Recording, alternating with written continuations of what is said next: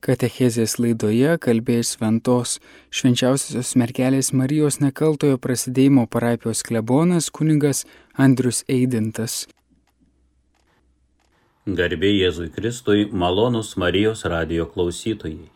Būkite pasveikinti šią rūpiučio 27 dieną, kai bažnyčios liturginių minėjimų pagerbiama Šventoji Monika.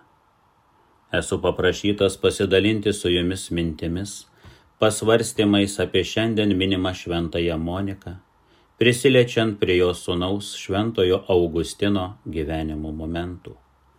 Pasinaudodamas viešpaties apvaizdos suteikta man malonė, kurios dėka galiu kalbėti jums, malonus Marijos radio klausytojai, pasidalinsiu ir savo pašaukimo į kunigystę istoriją. Manau, kad nedaugeliu šventųjų teko garbė turėti tokius dėmesingus ir pamaldžius biografus kaip šventoji Monika, kad turėjo. Jos dvasinį portretą nutapė ir gyvenimo nepaprastą vertę aprašė jos pačios sūnus šventasis Augustinas, kuris yra vienas talentingiausių ir žymiausių krikščionybės rašytojų. Šventasis Augustinas apie mamą savo išpažinimuose rašo. Ji mane pagimdė tiek kūnu, kad išvyščiau pasaulio šviesą, tiek savo širdimi, kad išvyščiau amžinybės šviesą. Monika gimė Šiaurės Afrikoje Tagastės mieste 332 metais, tikinčioje krikščionių šeimoje. Buvo griežtai auklėjama labai jauna ištekėjo už pagonio Patricijaus, su kurio susilaukė dviejų sūnų - Augustino ir Navigijaus, bei dukros, kurios vardas nėra žinomas. Vyras buvo umaus būdo, greitai supykstantis, užsispyręs. Būdama nuolanki, išmintinga ir atsargi žmona, į jo dažnus pykčio protrukius atsakydavo su begaliniu nuolankumu švelnumu ir kantrybė. Galiausiai visa tai davė laukiamų vaisių. Jis sugebėjo ne tik vyrą nuraminti, bet ir paskatinti pasikrikštyti. Tai jis padarė sužavėtas darybių ir meilės, kuria krikščioniškasis tikėjimas buvo įkvėpęs jo švelniai žmonai Monikai. Likusi našle, Monika visą savo dėmesį skyrė neramiajam sūnui Augustinui, mėgindama jį atitraukti nuo kūno malonumų, į kuriuos buvo įnykęs. Augustinas blogio viliojamas, inirtingai tam priešinosi. Jo neveikė nei motinos maldavimai, nei jos ašaros, nei jos pačios gražus krikščioniškas pavyzdys. Po septyniolikos metų maldų Monika galiausiai ėmė stokoti vilties ir pradėjo galvoti, kad sunus jau pražuvęs. Tačiau vieną naktį jį susapnavo pranašišką sapną, kuriame balsas jai pašnipždėjo štai ką. Negali būti, kad šitaip apverkiamas sunus žūtų.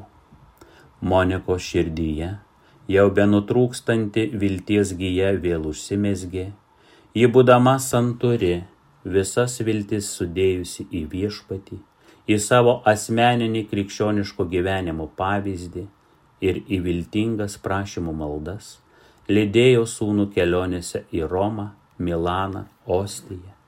Šventos Monikos didžiam džiaugsmui sūnuje ėmė reikštis Dievo apvaizdos malonės. Susitikimas Milane su šventuoju vyskupu Ambraziejumi atkaklus sieloje girdimas balsas, šventojo rašto skaitimas ir galiausiai jis žengė tą lemtingą žingsnį atsiverti. Šventos Monikos maldos ir ašaros pasiekė ilgai trokštą tikslą. Tai buvo nepaprasto džiaugsmo akimirkos, kurios atlygino jai už ašarų ir nuogastavimų pilnus gyvenimo metus. Tai Augustinas užfiksavo savo išpažinimų puslapiuose. Šventoji Monika sakė sūnui, mano sūnau, Tik vienas dalykas man įkvėpdavo troškimą dar kiek pagyventi, kad prieš mirtį pamatyčiau tave krikščionį kataliką. Dievas man suteikė šią malonę ir dar daugiau, jis leido man pamatyti, jog tu paniekinai žemiškus dalykus ir ėmei tarnauti tik jam vienam. Netrukus po to pokalbio sūnui pasakė, ką čia man žemėje daugiau ir beveikti. Jos misija buvo baigta. Ir iš tiesų, praėjus dviem savaitėm, ji mirė. 387 metais Ostijoje sulaukusi 55 metų. Sūnus dar ilgai ją apverkė. Jis būtų norėjęs, kad mama dar būtų pabuvusi kartu su juo, kad už tą nuogastavimų ir ašarų pilną gyvenimą galėtų atsilyginti savo dėmesiu ir nuoširdžia didelę meilę. Šventos Monikos pavyzdys daugeliu tikinčių motinų besisielojančių dėl savo vaikų yra padrasinimas. Ji įkvėpia motinas viltingai ir nepaliaujamai melstis už savo įvairių sunkumų turinčius sutoktinius ir vaikus. Malonus Marijos radijo klausytojai, ką mes iš šventos Monikos tikėjimo pavyzdžio galėtume naudingo savo gyvenime pritaikyti galbūt pradėti spręsti savo ir savo artimųjų gyvenime esamus, daug metų ramybės neduodančius sunkumus. Šventoji Monika be jokios abejonės turėjo daug gražių, tikinčiam krikščioniui būdingų savybių. Viena iš jų buvo nuoširdus pamaldumas. Turint gyvenime panašių sunkumų, kokių turėjo ši šventoji, labai svarbu pradėti praktikuoti pamaldumo praktiką į šventąją Moniką. Malda - tai stiprus ginklas prieš etono žabangas ir jo klastą. Todėl svarbu praktikuoti neabejojant, jog mūsų troškimai, kuriuos išsakome maldos metu, yra visada Dievo išklausomi ir atėjus laikui patirsime trokštamus maldose prašytus vaisius. Daugelyje Lietuvos parapijų veikia įvairios maldos grupės. Viena iš tokių - motinos maldoje, kur mamos prašo Dievo vedimo, apsaugos, globos ir meilės savo vaikams, kur susitinka panašaus likimo mamos, patiriančios panašias kančias dėl savo vaikų, patekusių į įvairius gyvenimo išbandymus. Mamos netekusios savo vaikų, moteris trokštančios pajusti motinystės džiaugsmą. Susivienijusios mamos tokiu būdu gelbėja savo vaikus. Mėlyjei, mes turime mūsų tikinčių tautiečių sukurtų įvairių maldų kurias galime praktikuoti ir taip papildyti savo kasdienės maldas. Viena iš tokių mūsų tautiečių, apie kurią daugelis esate girdėję, yra Dievo tarnaitė Adelė Dirsytė, sovietmečio tikėjimo kankinė. 1955 metais žuvusi Rusijoje, Habarovsko mieste į savo išleistoje kalinių maldaknygyje. Marija, gelbėki mus, vieną maldą skyrė šventajai Monikai. Maldoje taip pat kreipiamasi į šventąjį Augustiną ir į švenčiausiąją mergelę Mariją, prašant padėti šeimoms nugalėti savo pikdžolės, apsaugoti jaunimą nuo klaidų ir išmelsti mūsų motinoms šventos Monikos dvasios jėgos kviečiu, malonus klausytojai, pasiklausyti kankinės Adelės Dirsytės maldos į šventąją Moniką. Šventoji Monika, kuri išgyvenai savo vyro ir sunaus Augustino nuodėmingus klaidžiojimus, kuri per daugelį metų nesviruojančią maldą, aukomis, didžios atgailos dvasia sugražinai juos į tikrąjį kelią. Padėki mūsų šeimoms nugalėti savo pikdžulės, ypač girtavimą, priesaikų laužimą, tikėjimo niekinimą, nusikaltimus skaistybei išmelski mums ištvermės, pasitikėjimą Dievu ir tikros atgailos dvasę. Amen. Baigdamas, kaip ir buvau užsiminęs, noriu su jumis pasidalinti savo tikėjimo patirtimi, kuri tapo mano pašaukimo į kunigystę priežastimi. Gimiau 1972 metais rugsėjo 8 dieną sekančią dieną po gimimo susirgau plaučių uždegimu. Mama, kuri buvo palaidojusi du savo sunelius, mano broliukus, iš gydytojų sužinojo, jog berniukai sergantys šią plaučių uždegimo lyga yra mažiau atsparus nei mergaitės ir išgyvena iš šimto du arba trys. Į apimtą širdies skausmo ir paskatintą tikėjimo paprašė savo sesę, jau dabar amžinybėje esančią Oną Stepaniją, kad šis skubiai užsakytų dviejas šventasias mišes. Vienerias Žemaičių kalvarijoje, švenčiausios mergelės Marijos apsilankimo bazilikoje prie garsaus stebuklingo švenčiausios mergelės Marijos krikščioniškų šeimų karalienės paveikslo, o antrasias Piebenuose, nukryžiuotojo Jėzaus parapijos bažnyčioje, prie stebuklais garsaus Šventojo kryžiaus. Mišių intencija buvo pašvesti mane švenčiausios mergelės Marijos globai, pasižadant ateityje papasakoti man šią istoriją ir paraginti rinktis kunigo gyvenimo kelią. Teta Ona Stepanija nedelsdama išpildė mamos prašymą.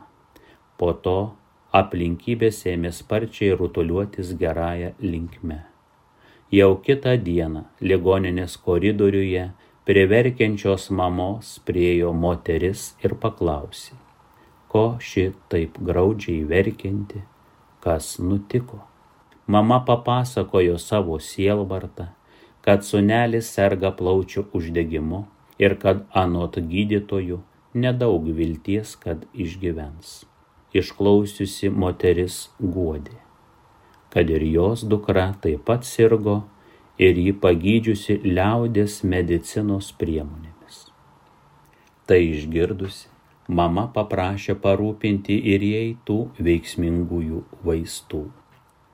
Tuo metu, kaip mama vėliau pasakojo, ligoninėje buvo karantinas. Tada jos sutarė tą patį vakarą susitikti. Moteris tiesėjo pažadą ir sutartą valandą atnešė vaistų. Mama toj pat sugirdė arbatinį šaukštą moters atneštų vaistų ir taip slapčia nuo gydytojų kasdieną po tris kartus. Pirmadienio dienos ryte per vizitaciją gydanti gydytoja, paklausiusi mano kvepavimo, su nuostaba sušuko. Stebuklas, vaiko plaučiai švarūs. Taip plaučių uždegimas buvo sėkmingai išgydytas. Tačiau dėja, pasiekmes liko, įvyko komplikacija - žarnų išplatėjimas. Vėliau praėjus dviejiems metams, pirmą kartą Lietuvoje, Vilniuje, man dviejų metų berniukui naujų metodų buvo atlikta pilvo ertmės organų operacija. Ja atliko to metodo išradėjas, gerbiamas gydytojas chirurgas Jonas Gradauskas kuriam už sėkmingai atliktą operaciją ir sugražintą gyvenimo džiaugsmą esame kartu su mama dėkingi iki šiol. Praėjus maždaug 17 metų, baigęs tuometinį grūžių žemės ūkio technikumą ir įgyjęs zootechnikos specialybę, 1990 metais gavau paskirimą vyriausiojo zootechniko pareigoms Mažeikių rajone Renavo kolūkyje. Kolūkio vadovybė Renavo miestelėje skyrė tarnybinį būtą. Vieną naktį, miegant, pajutau stiprų skausmą operuotoje vietoje. Turėjau visą supratimą, jaučiau tokį sunkiai žodžiais nupasakojamą lengvumo jausmą ir suvokiau, jog mirštu. Prisimeniau, kaip ruošiantis priimti atgailos ir Euharistijos sakramentus, tuometinis gimtosios Rubikų Švento Roko parapijos kunigas klebonas Liudas Dambrauskas pasakė, kad mirties valandą žmogus gali tarti viešpaties ir jo šventųjų vardus, prašydamas užtarimo. Man ištarus viešpaties vardą nubudau. Jutau stiprų skausmą operuotoje pilvo vietoje, buvau stipriai suprakaitavęs. Kadangi mano lova buvo prie lango, smalsumo skatinamas pažiūrėjau, koks laukia oras.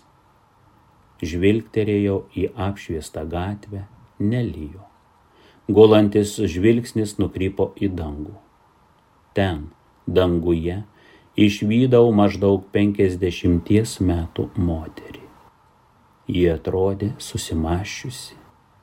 Jei būčiau gabus dailininkas, mokantis gražiai piešti, galėčiau ir šiandien nupiešti, nes užsifiksavo mano regimojoje atmintyje.